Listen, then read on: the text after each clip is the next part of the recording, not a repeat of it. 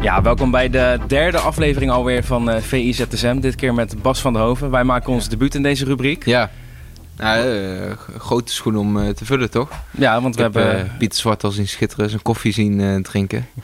hij, hij dronk hem zwart. Heel logisch natuurlijk met zijn Ja, nee. en jij? Ja, ook. ook nou, gewoon? Ik moet zeggen, we drinken denk ik allemaal zwart. Er is één collega misschien met het zoetje.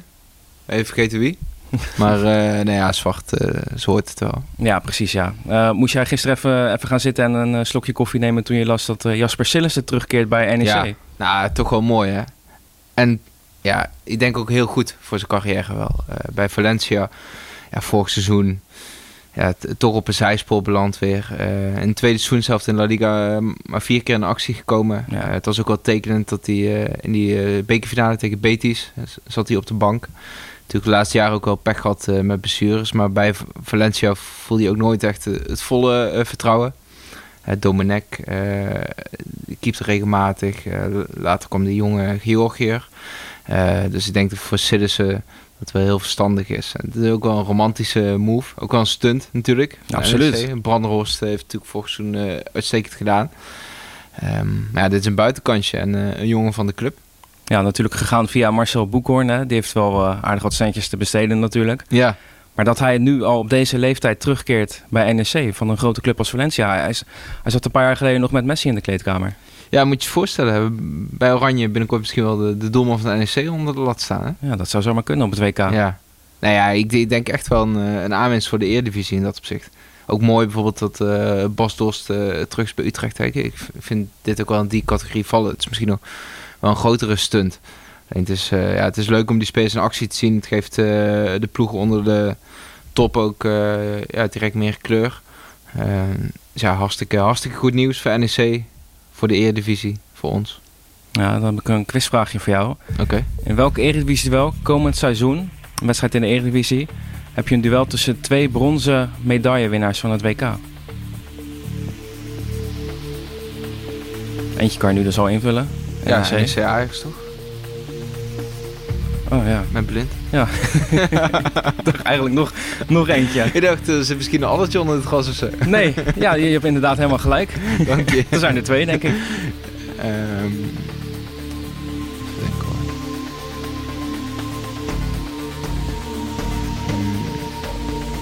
Die toen bij de selectie zat, maar heeft natuurlijk niet gespeeld dan. Wel gespeeld. Oh, wacht. AZ. NEC AZ. Dit, uh, deze vraag... Mag het zijn niet. Mag dus, ja, ja, maar er is er nog één. Ja, laat maar zitten. Oh. Ik bedoel de NEC Sparta. NEC Sparta, Met de. Koesman. Ja, die, uh, ja, nee, teruggekeerd is bij Sparta. Ja, ook. Ja, deze vraag komt heel goed uit de verf in deze rubriek. maar ik zou dit erin houden in deze Dit zou ik er gewoon in houden, ja. Uh, maar al met al wat je zegt, ja, de Eredivisie wordt op deze manier wel gewoon echt sterker, hè? Ja, absoluut. Met dit soort spelers. Absoluut. En um, ja, ook voor Citizen natuurlijk, ja het tekent hem wel dat hij uh, natuurlijk financieel een stap uh, terug doet. Bereid is om dat te doen. Om juist terug te keren bij NEC. Hoe goed is hij nog? Ja, voor, voor de Eredivisie natuurlijk uh, echt een uitstekende keeper. We hebben, we hebben bij Oranje wel gezien. Kijk, Valencia, het was gewoon wel een lastige situatie voor hem. Omdat die ploeg, het was daar in de voorbije seizoenen eigenlijk bijna altijd chaos. Ze hebben het één keer echt goed op de rit gekregen met Marcelino toen als trainer. Ja. En die was heel gedisciplineerd, speelde 4-4-2. Uh, ruimtes klein houden, speelden ze best wel verdedigend vanuit een goede organisatie. Nou, dan zag je ook direct dat Citizen daar ook de vruchten van plukt, omdat ja, het gewoon veel beter stond uh, voor hem. Alleen uh, ja, die club, hè, zowel een transferbeleid als speelwijze, is het ja, echt van links naar rechts gegaan in de laatste seizoenen. Um, hij natuurlijk ook zijn plek verloren, ook wat blessure leed gekend. Dus uh, ja, gewoon een, echt een lastige situatie voor hem. En ik denk dat hij met NEC, dat hij daar ook nu wel... Natuurlijk, de schijnwerpers staan op hem gericht... maar dat hij ook wel een bepaalde rust vindt. Gewoon uh, terug naar het vertrouwde. Um, het is niet voor niets dat uh, weinig, weinig spelers van buitenaf lang bij Valencia blijven. Het is gewoon echt een lastige club. Ja, Jasper Sillis is misschien inderdaad ook wel een type die nu toe is aan de rust bij NEC. In plaats van dat hij naar Ajax gaat bijvoorbeeld, dat natuurlijk ook een keeper zoekt. Ja, zeker. hij werd gelinkt aan PSV afgelopen zomer, deze zomer. Ja, nee, ik denk dat dit hem uh, heel veel zekerheid mm -hmm. biedt. En, uh, ja, bij Valencia zag je bijvoorbeeld ook hè, jongens als Dani Parejo, Coquelin, die vertrokken naar Villarreal. Ja. Wat ja, 50, 60 kilometer daar vandaan is. Um, maar waar veel meer beleid en stabiliteit is. Dus ja, die vinden het dan wel lekker om weg te zijn uit die chaos uh, van Mestalla. En ik denk dat uh, ook al opgelucht is. Ja. Hey, dan ook nog een transfer in de lucht van een oud ajax -ziet. Jurgen Ekkelenkamp, ja. natuurlijk uh, vertrokken vorige zomer van Ajax naar Hertha BSC. Ja. Die uh, gaat mogelijk naar Club Brugge toe. Ja, ik denk Hertha... We hadden het over Valencia, lastige club. Ik denk dat Hertha, dat je die ook wel in die categorie kunt scharen.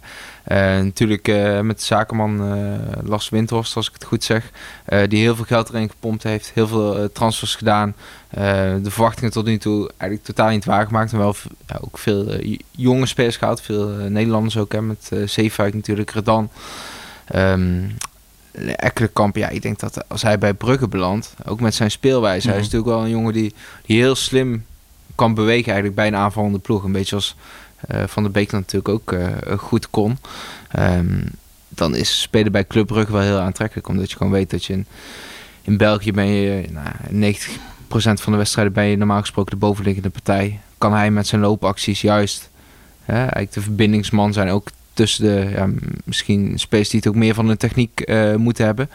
En Club Brugge moest, moest wel wat doen. Hè. De keten daar natuurlijk uh, van recordsom verkocht aan AC Milan. Uh, vorige zondag uh, verloren bij Eupen. Nou, speelden ze echt belabberd.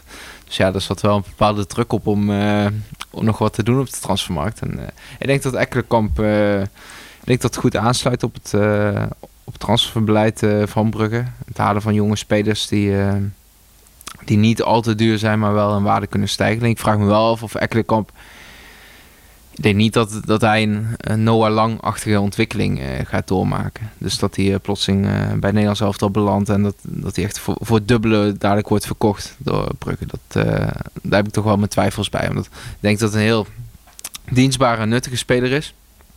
Maar ik denk niet dat hij echt van de buitencategorie is. Nee, en hij stelt hiermee wel uh, Mark Overmars en Mark van Bommel teleur bij FC Antwerpen. Die hem graag hadden willen hebben. Ja, Antwerpen wil veel spelers uh, graag hebben. Dat is wel mooi. Je ziet die strijd wel echt ontstaan in België. Toen een super, uh, super ambitieuze Antwerp. Eerste twee wedstrijden gewonnen in de competitie. Het spel nog niet denderend. Wordt dan ook geschreven in, in België. Want ze verwachten dan toch als daar Nederlandse beleidsbepalers komen... dat er ook direct de Hollandse school zichtbaar is op het veld.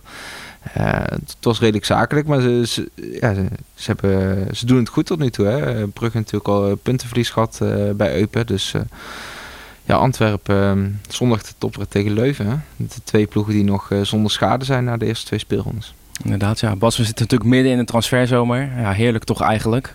zijn er nog ja. berichten die jij vandaag verwacht? Transfers die rondkomen? Ja, het hangt natuurlijk altijd in de lucht. Hè? En uh, ja, op de redactie uh, moeten we daarop voorbereid zijn. Het ziet er nu rustig uit, maar om de hoek ja, zijn ze druk bezig. Zitten onze mensen klaar. Ja, ja. ja, En uh, nou ja, Wijnaldum, Roma, hangt natuurlijk in de lucht. Frenkie de Jong, er zal toch wel iets rond gaan gebeuren. Chelsea lijkt nu de beste papieren te hebben. Ik denk ook wel ja, voor hem wel een, een prikkelender perspectief dan bij United. Champions League ga je spelen. een club die Um, ja, toch echt wel flink kan investeren. Ook al oogt het nu wat onrustigheid deze zomer. Ze hebben ongeveer overal langs uh, gegrepen. Met, uh, met Ravinha, met uh, Koundé, De Licht. Dus die, die kunnen wel een succes gebruiken op de transfermarkt. En nou, wat dat betreft is die Jong natuurlijk wel een kans die zich aandient. Zullen we afsluiten met de derde voorronde van de Conference League. Vanavond twee Nederlandse clubs komen natuurlijk in actie. Hè? FC Twente en AZ. Ja. Ja, die, die tegenstander van Twente, heb jij helemaal uh, kapot geanalyseerd, uh, heb ik gehoord. Ja, ik Daar weet je alles vanaf. Ja, ik moet zeggen dat ik die uh, niet zo heel goed in het vizier heb. Maar dat... Kukariki Belgrado. Ja, klopt. Ja het, ja, het wordt voor ons allemaal denk ik um, echt afwachten. Maar ik, ik hoop wel echt op Europese succes van Twente. Omdat zeker, als je dan kijkt wat in de volgende ronde longt, hè, een, dubbele confrontatie met Fiorentina. Oh het kan ook weer prachtige herinneringen op, uh, opleveren. We hebben natuurlijk uh, met VI ook die zomerserie gehad, waarin we terugblikten op, uh, ja, op legendarische trips, Europese trips van verschillende clubs. Um, ja, dit is ook echt weer zo'n zo'n reis die, die memorabel gaat worden. Waar ze bij Twente dan nog jaar aan terug kunnen denken. Dus ja, het is deze ronde even doorkomen. Lekker warm draaien. Vertrouwen tanken. En dan eh, hopelijk op eh, naar Florence. En AZ gaat op bezoek bij Dundee United. Ja. Daar weet je iets meer vanaf, geloof ik. Ja, zeker. Nou ja, dat wordt echt... Uh, nou, als jij een beetje het Schotse voetbal inbeeldt... dan Dundee voldoet zeg maar wel aan al je verwachtingen. Ja? Ja, ja zeker. Steven Fletcher als uh, spits. die is inmiddels midden 30. Heeft uh, jarenlang bij, bij Sunderland in, de, in de aanval lopen beuken. Het, duels uitvechten daar onder in de Premier League. Later bij Sheffield Wednesday seizoenen gezeten. Daar heb ik hem nog wel eens gezien. Hij is niet super mobiel, om het zo te zeggen, maar wel slim sterk in het uitvechten van de duels. Ja, een, eh, een fox in de box, uh, zouden de Engelsen zeggen.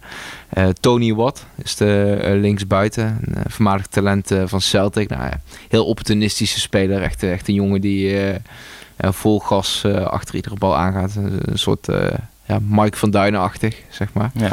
Dus nee, AZ gaat denk ik vooral fysiek getest worden daar. En ze hebben natuurlijk ja, toch wel nodige personele problemen. Een zestal spelers niet mee kunnen nemen naar Schotland.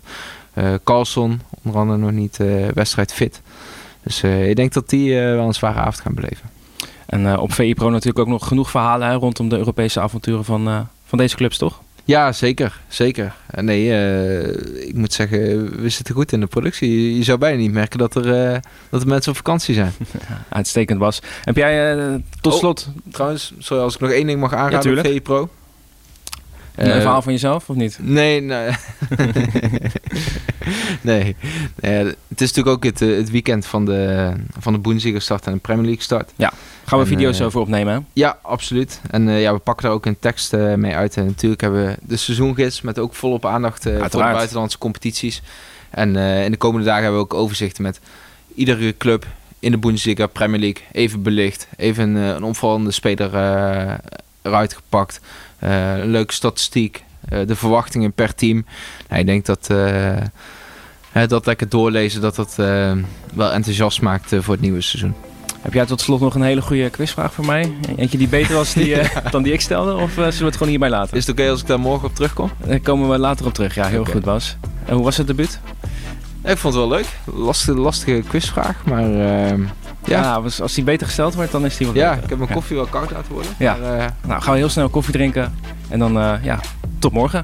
Tot, tot ZSM, hè? Ja, tot ZSM. Ik het was, zie.